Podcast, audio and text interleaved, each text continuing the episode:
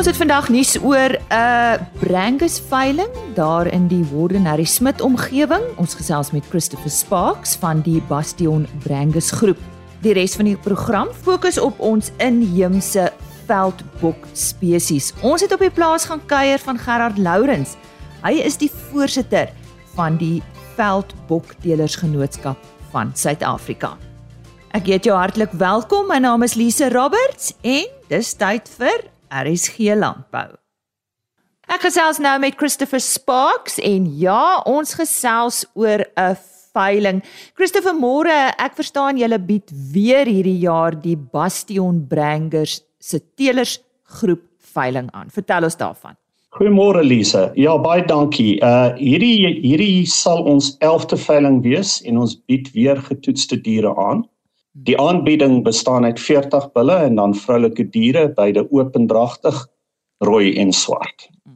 Christopher 11 jaar is dis 'n lang tyd. Waarin skryf jy die sukses van 'n veiling toe oor al hierdie jare? Wel eerstens baie genade van ons hemelse Vader en dan ook glo ek die feit dat ons as teelers baie moeite doen met ons teeling. Ons meet al oor baie jare aspekte wat vir ons kliënte geld in die sak sal bring. Behalwe dinge soos geboortegemak en groei, is daar winsdrywers soos aanpasbaarheid en langslewendheid wat baie te doen het met hoe diere geselekteer en deur ons grootgemaak word. Ehm um, die toetse wat ons deur Veldpil SA doen, maak ook hier 'n bydrae. Karkaskanderingsdata is ook 'n ander seleksiemiddel vir vleisgehalte. En ek vra altyd myself die vraag af: sal ek 'n trekker koop sonder enige kennis van sy vervaardigingsspesifikasies? En my antwoord is ek glo regtig nie so nie. Ek sal ook nooit 'n bil sonder getoetste syfers koop nie, want jy dra dan geen kennis oor hoe of wat hy vir jou gaan teel nie. Uh Christopher, julle kopers, ek sien uh julle getalle groei elke jaar. Verseker, uh Lize, sonder kopers sal ons nie kon veiling hou nie. En baie van ons kliënte kom al van ons eerste veiling af saam met ons en dit werklik oor die jare kan ek sê vriendig geword. Uh op vir die veiling kan steun. Uh ons Boston teelers onderneem ook om altyd te poog om ons genetika te bly verbeter om sodoende die winsgewendheid in ons kliënte se kuddes te verbeter. Ons het nou nog nie daaroor gesels nie. Uh die Bastion Brangus teelers groep, van waar af is julle almal? Ons is almal hier van die uh Noord-Oos-Vrystaat streek af. Uh ek en Elsie is hier in die Harry Smit omgewing. Uh op die Suurveld en dan is daar Andre en François. Uh François is natuurlik 'n uh, uh, uh gasverkoper en uh hulle is in die Ryds omgewing. Koue deel van die wêreld. Dis reg. en daarom voel ek baie keer dat uh die manier waarop ons diere hierso groot word maak dat hulle eintlik enige plek in die land effektief net beter doen. Gee vir ons net weer die besonderhede van die veiling, uh die dag, die datum waar dit plaasvind, dalk wie bied dit vir julle aan en uh, dan sluit ons af met 'n kontak uh, nommer asseblief Christopher. Dit is ons 11de veiling. Dit word deur Vleis Sentraal aangebied. Uh dit word op Vrydag 28 Junie vind dit plaas om 11:00 by die Warden veilingskrale en uh vir meer inligting kan ek geskakel word op 083 701 0029. Daar's ook ons afslaer 1 grobler. Sy nommer is 060 965 6207 en dan uh, vleissentraal se bemarker, baie entoesiastiese bemarker is Japie van der Merwe en hy gaan kan gekontak word op 083 702 2690. Ja, dis jou wat inligting, maar kom ek herhaal net van dit. Ons het gesels met Christopher Sparks oor die 11de produksieveiling van Bastion Brangus Steelers Groep. Hy het gesê dit begin 11uur op 28 Julie by die Warden veilingskrale. Vleis sentraal bied dit vir hulle aan en ek sluit af met sy selfoonnommer 083 701 0029. Christopher Baie dankie. Baie dankie Lise en ek wil net afeindig deur om te sê dat ek Andrei, Elsie en Frans sien uit om julle daar te verwelkom en te onthaal en sommer 'n lekker dag saam deur te bring. As jy nou eers ingeskakel het, goeiemôre. Jy luister na RSG Landbou. Baie welkom. Ek dink as ek moet begin boer sal hierdie seker my eerste keuse wees van diere en dit is inheemse veldbokke. Ons gesels vandag met Gerard Lourens. Hy is die voorsitter van die inheemse Veldboktelersgenootskap van Suid-Afrika. Ons kuier hier op sy plaas net buite Pretoria aan die waterval area en ons gaan vandag bietjie meer uitvind oor hierdie pragtdiere. Gerard, lekker om vandag hier op jou plaas te kuier. Ons praat nou van inheemse veldbokke. Is dit uit Afrika of Suid-Afrika? Gee vir ons 'n bietjie geskiedenis.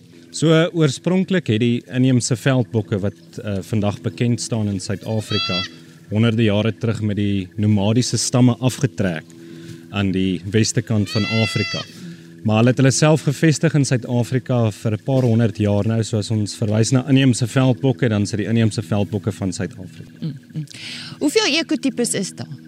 Ons het 4 ekotipes wat resorteer onder die vaandel van die inheemse veldbokgenootskap. Uh ons het die Kaapse skilder, wat 'n groot raambok is. Ons het die Kaapse lopeer, wat ook 'n groot raambok is. Dan het ons die Kunene wat 'n medium raambok is. Hy's ook die skaarsste van al vier ekotipes in die land en dan het ons die een wat jy meer alom bekend is in die land is die Mbuzis. Dis gewoonlik daai bokkies wat so langs die pad loop met hulle oortjies in die lug. So dit is 'n klein raam ekotip. En hoeveel teelers is nou deel van die genootskap? Ons is tans nou so net so oor die 110 teelers wat geregistreer is by die by die genootskap. Maar jy sê dit het baie gegroei in die afgelope jaar. Hoekom? Ja, wel daar's verskeie redes, maar ek dink die navraag en die gesogtheid na 'n geharde dier om mee te boer. En buitenbehalwe dit is bokke oor die algemeen skaars in Suid-Afrika. Ons voer jaarliks ehm um, honderde duisende bokke in van die buurlande af en dit gaan reguit Natal toe. So ehm um, ja, dit gesamentlik met uh boere wat op plase uh wild geboer het, groot wild, ehm um, het hulle gedeelte van hulle boerderye nou oorgeskakel in kleinveeproduksie. Ehm um, inheemse bokke, inheemse skape en van jou veredelde ekotipes ook, want daar is nie iets wat rand per kilo kan klop op hierdie stadium wat 'n bok doen daar buite nie. So. Hmm. Nou ja, net soos enige vee is natuurlik eienskappe van bokke wat baie belangrik is. Dat ja, verduidelik nou vir ons, waarna kyk jy as jy kyk na die eienskappe van 'n goeie veldbok. OK wel, um, ons het vandag hier twee ramme, dis twee gebruiksramme in ons kudde. So ons is baie gefokus daarop dat jy die regte ram moet gebruik in jou kudde. Ehm um, ons uh, laat nie opsie toe vir ramme wat nie van hoë gehalte is nie want 'n ram het 50% aandeel in elke lam wat in jou kudde gebore word waar 'n ooi net 50% aandeel in haar eie lammers het. So ons gaan so 'n bietjie na die eienskappe kyk van die inheemse veldbokke as sulks. Uh die inheemse veldbokke is gehard. Uh ons sal bietjie later uh daaroor gesels, maar as ons kyk byvoorbeeld na ehm um, horingstruktuur, so die horings beweeg opwaarts en uitwaarts. Ehm um, dit maak dat hulle in 'n posisie is om roofdiere af te weer en dan die uh, horings gebruik hulle selfs om bosluise tot die onder die punt van hulle stert af te krap. So dis 'n funksionele doel wat die horings het waar baie van jou kommersiële uh ekotipes daar buite het nie die funksionele horings om daai goeters te kan doen nie. Dan soek jy 'n ram wat sterk op sy bene is. Die ram moet 'n lekker dik bene hê voor en agter. Uh hy moet 'n goeie nek aanhegting hê, 'n lekker dik nek vir vleiskapasiteit. Die ram wil nou nie lekker staan nie, maar jy kyk na diepte. So na hierdie ram ook kyk aan hierdie kant, hy's baie diep. Ehm um, en dan uh ja, die inheemse bokke het destyds voor haar seleksie plaasgevind het. Was hulle maar gesien as 'n dier met vier blaaie. En in vandag se tyd na 15 jaar se seleksie wat toegepas is, is die inheemse bokke vleisdraande diere en hulle is ook gehard. So ons ramme byvoorbeeld uh het ons al gehad wat tot en met 135 kg weeg. 'n Maximus wat hierso staan weeg so 125 kg. So hy's een van die frisse ramme hier op die plaas. Wat van die vel en hare? Ek bedoel dis tog vir my 'n aantrekking want ek kyk na hoe mooi die dier ook is. Watter rol speel dit? Kyk, so die pigmentasie van die kleur is baie belangrik. So as mens kyk oral waar die belangrike gedeeltes van die bokke is, as ons hierdie ram se kop net so draai om die oë op die ore en veral hier op die voorbene ondertoe is dit donker gepigmenteer. Ehm um, so dit help vreeslik vir skade en kanker wat van die son af afkomstig is. Die Kaapse skillerbok het 'n simmetriese velkleur. So as jy daai vel oopmaak wat ons later na sal kyk, dan sal jy sien hy hy, hy lyk identies aan die een kant as aan die ander kant. So dit maak die velle gesog en die Kaapse lopeers ook het ook kleurvolle velle. So dit maak hulle ook gesog en ons kan nie voortbly met die velle wat ons het nie, maar jy kan ook nie meer velle produseer nie, want dan gaan jy al die diere moet slag en dit wil ons nie doen nie. So Wat van in hierdie geval nou manlike eienskappe? Dis seker maar ook belangrik. Ek bedoel, die man moet die regte goed op die regte plek hê. nee, verseker ek het nou die dag toe vra iemand vir my toe ek 'n 'n pos maak van die ram se testes. Toe sê hulle maar beteken dit enigiets? Toe komment ek net terug en sê dit beteken alles. So die die ram kan tot en met gemaklik 50 oeye dek in 'n dekseisoen. Daar is gevalle waar plase 150 oeye plus het waar daar net een ram by was en dit klink onwaar, maar die oeye het almal binne 'n tydperk van 'n maand gelam. So ons gaan net bietjie kyk na die testes van 'n ram as hy nou net reg vir ons wil staan. So as mens kyk na die testes van 'n ram, mens wil ehm, 'n um, klein spleet daaronder van so sentimeter groot is nog aanvaarbaar, maar wat jy soek is jy soek 'n ovaalvormige testis en 'n uh, uh, hulle praat in Engels van testicle circumference wat groot genoeg omtrek. is. Ja, die omtrek van dit. So sodra jy kyk na die die testis wat 'n uh, diep spleet in het in ons genootskap word so bok outomaties afgekeur en dit is ook in direkte verhouding met die dogters wat hy teel se vroulike goed binne in haar wat dan jy weet waar die lammers in groot word. So dis baie belangrik as jy kyk na 'n ram vir die mense wat die eerste keer nou ram gaan koop, maak seker as daar een ding is waarvoor jy kyk, kyk dat die testes mooi groot is en kyk dat die testes ovaalvormig is aan die onderkant. Ja. Het julle beoordelaars wat opgelei is wat nou hierdie hierdie hierdie diere beoordeel of of na teelers toe gaan en seker te maak hulle het spogdiere voor hulle na 'n veiling toe gaan? Is baie interessant jy vra. So beoordelaars het ons nie, maar ons het keerders. So as mens verwys na ons uh slogan van die genootskap, dan sê do not spoil, transform or improve them out of existence. Met ander woorde, ons beweeg heeltemal weg en doen glad nie die skoue waar daar beoordeling plaasvind nie. Want dan gaan ons die diere begin teel om al hoe ronder en vetter te lyk en dan vat dit die natuurlike eienskappe van die bok weg. So ons het keerders keerders gaan uit na die plase toe of dan het sulks nou by uh per se by 'n veiling as diere daar aankom en dan word die diere van voor tot agter deur gegaan. Daar word dragtigheidskandering opgedoen. Daar word ram ehm um, semen toetse gedoen om te kyk hoe vrugbaar die ramme is. Ons kyk na kootgewrigte, ons kyk na sekelhakkig, ons kyk na duiwelsgreep. Ons kyk na die kruis, ons kyk na die diepte van die ram, ons kyk na horings, ehm um, ons kyk na die kopvorming. So dit is vir ons baie belangrik dat die fenotipe van die bokke korrek is.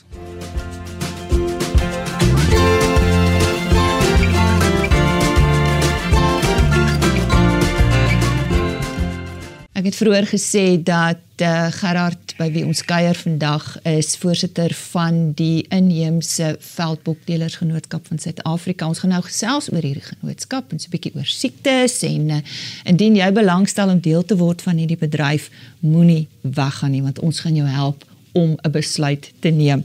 Vertel ons van die genootskap, hoe lank bestaan julle al? Weet jy die genootskap bestaan nou so wat 16 jaar. En al die ekotipes is ook vir so 3 jaar nou as 'n offisiële landras geregistreer by die departement. Siektes. Uh was iets soos byvoorbeeld back and claw vir julle enigsins 'n bedreiging geweest? Ja, ek sal nie sê dat die inheemse diere 'n weerstand het teen back and claw nie. Ons self weet nie van gevalle of uitbreke van back and claw by die inheemse diere nie. Ehm um, maar hy bly tog 'n lewendige ding, so ek sal maar altyd ehm um, voorsorgmaatreëls tref as dit kom by iets soos back and claw. Maar nie nie waarvan ons weet was daar geen geval nie. Dit was ook nie geproef nie. Ehm um, ja, die inheemse diere is oor die algemeen bietjie meer gehard as jou kommersiële rasse daar buite, maar mense moet net onthou hulle bly 'n lewendige ding. So sodra jy hom binne vier kampe sit, is jy verantwoordelik vir sy voedselinname en verantwoordelik vir die water wat hy drink. So wat is vir julle 'n bedreiging? Wat se siektes?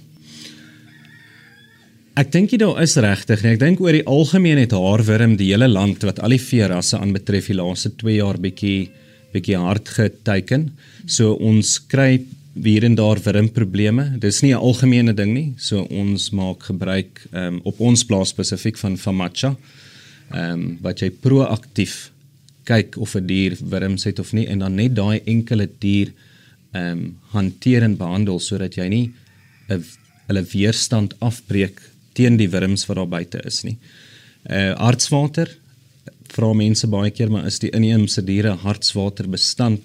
Toe sê ek ek dink nie is 'n dier wat hartswater bestand is nie, maar die oorgangstydperk van jy wat diere skuif van een plek na ander toe. Daai oorgangstydperk is die belangrikste gedeelte wat gaan bepaal of die dier vatbaar gaan wees vir alledaagse goed soos hartswater of wurms.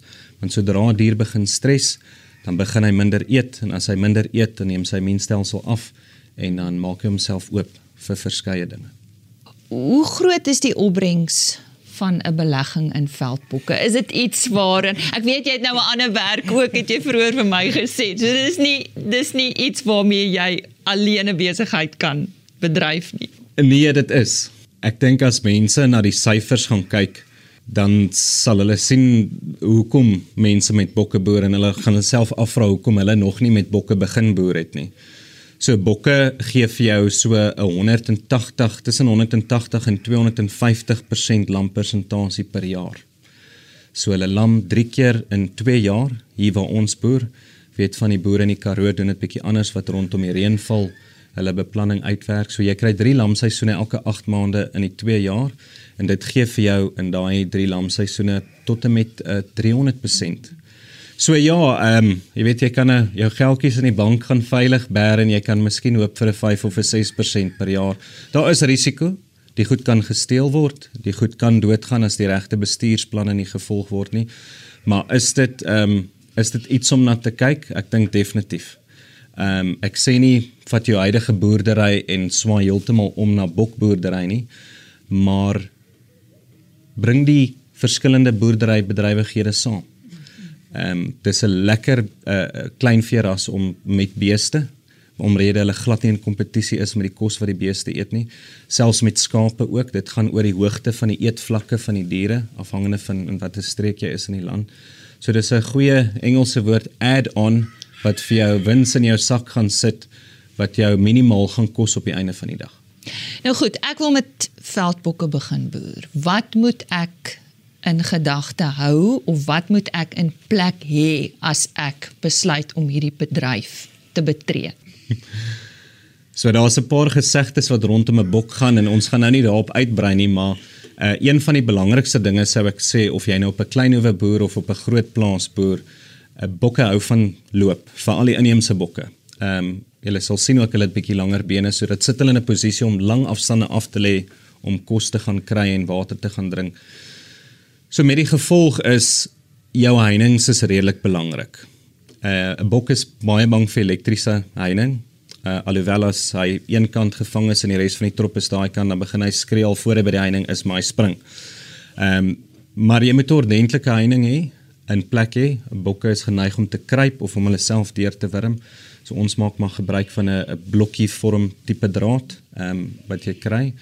Uh so die heininge is baie belangrik. Dan dink ek ook jy moet 'n uh, voedselkundige uitkry om te kom kyk na wat se kos jy op jou stuk grond het. Ons byvoorbeeld hier op ons plaas het nie baie bosveld of ehm um, ja, bossies, bossie tipe veld. Bosse. So ons het meestal gras en aangeplante weidings met vinger roods blou buffel. So ons maak vir die bokke gebruik van 'n aanvullings uh, lucernpil wat hulle elkeen omtrent so 300 gram per bok per dag kry reg deur die jaar. Oeye met lammer sal nou ehm um, dit kry gesamentlik met 'n lek 'n lekblok daarbey om te help vir die melk. Maar ja, so dis net 300 gram per bok per dag wat ons toedien in gras hier waar ons is op die grasvelde. In die bosveld hoef jy skaars ehm um, wat ons nou gesien het met 'n projek wat ons 3 weke terug geloods het ook. Ons het bokke daar afgelaai en toe ons na 2 weke 'n opvolg gaan doen, toe lyk dit of die bokke met kookolie gesmeer is en hulle kry nie 'n druppel byvoer nie. So 'n bok is uit en uit iets wat daai uh, Engelse woord weer roughage, maar die blare en die die struike en die goeters moet inkry vir hom om effektief die voeromsetproses aan die gang te kry binne in sy maag en dan sodoende te ja te presteer. So as jy nie daai voeding op jou plaas reeds het nie, is dit maar waar die meeste geld spandeer word, is op die regte voeding vir hulle. Ja, ek sou sê ehm um, maar soos ek gesê 300 gram per dier per dag. So dis dis nie 'n groot uitgawe nie as jy dit vergelyk met wat jou lampersentasies en speenpersentasies is op die bokke wat geneig is om meeste van die kere meerlinge te kry, dan sal jy sien dit is in verhouding maak dit nog steeds baie sin om met bokke te boer. So. Is daar veeartse wat spesialiseer in bokke? Moet jy hulle gereeld veeartse uitkry? Nee, nie eintlik nie. Ek dink vir 'n uh, uh, die beginner sê ek altyd hulle moet dadelik skree as daar 'n probleem is, maar as 'n probleem opduik en hulle het nie kennis op die veld nie, kontak dadelik jou veearts of jou buurman wat met soortgelyke vee boer, 'n bok of skaap of wat ook al. Uh, en hy gaan dadelik vir jou in 'n beter rigting kan sit weet voor dit te laat is en jy weet as jy self weer kry dan die helfte van jou kudde iets oorgekom. Maar ja, ek sal nie sê daar's veeartse wat spesialiseer in hulle nie. Hulle is maar baie soos 'n skaap. Hulle is ehm um, hulle karakter is bietjie anders. Hulle is bietjie slimmer. En hulle drom ook nie met hulle koppe saam in die oggend nie. Jy weet as jy jou rug draai dan gaan die bokke daar waar jy nie wil hê hulle moet gaan nie. Ehm um, so maar ja, ek ek dink die basies as jy kennis het op skaapboerdery en algemene kennis het op beesboerdery, dan um, kan jy met gemak die bokboerdery aanpak. Gerard, wie is julle mark? Die mark. Dis dis 'n baie diverse mark vir die bokke. So as ons praat van die inheemse bokke spesifiek, uh ek kry ons verskriklik baie navrae van die Midde-Ooste af. Ehm um, die kleurvolle kleurpatrone wat hulle het. Maar ons het nie genoeg om die Midde-Ooste te kan verskaf nie, want ons sukkel net om die huidige aanvraag in Suid-Afrika te vul. Uh al die etniese groepe in Suid-Afrika ehm um, maak gebruik van bokvleis as nie as 'n stapel vleis uh, bron wil ek amper sê. Jy weet in ons ek is nie gewoond daaraan nie. Ek eet nou baie graag eerder bokke, skaap of bees.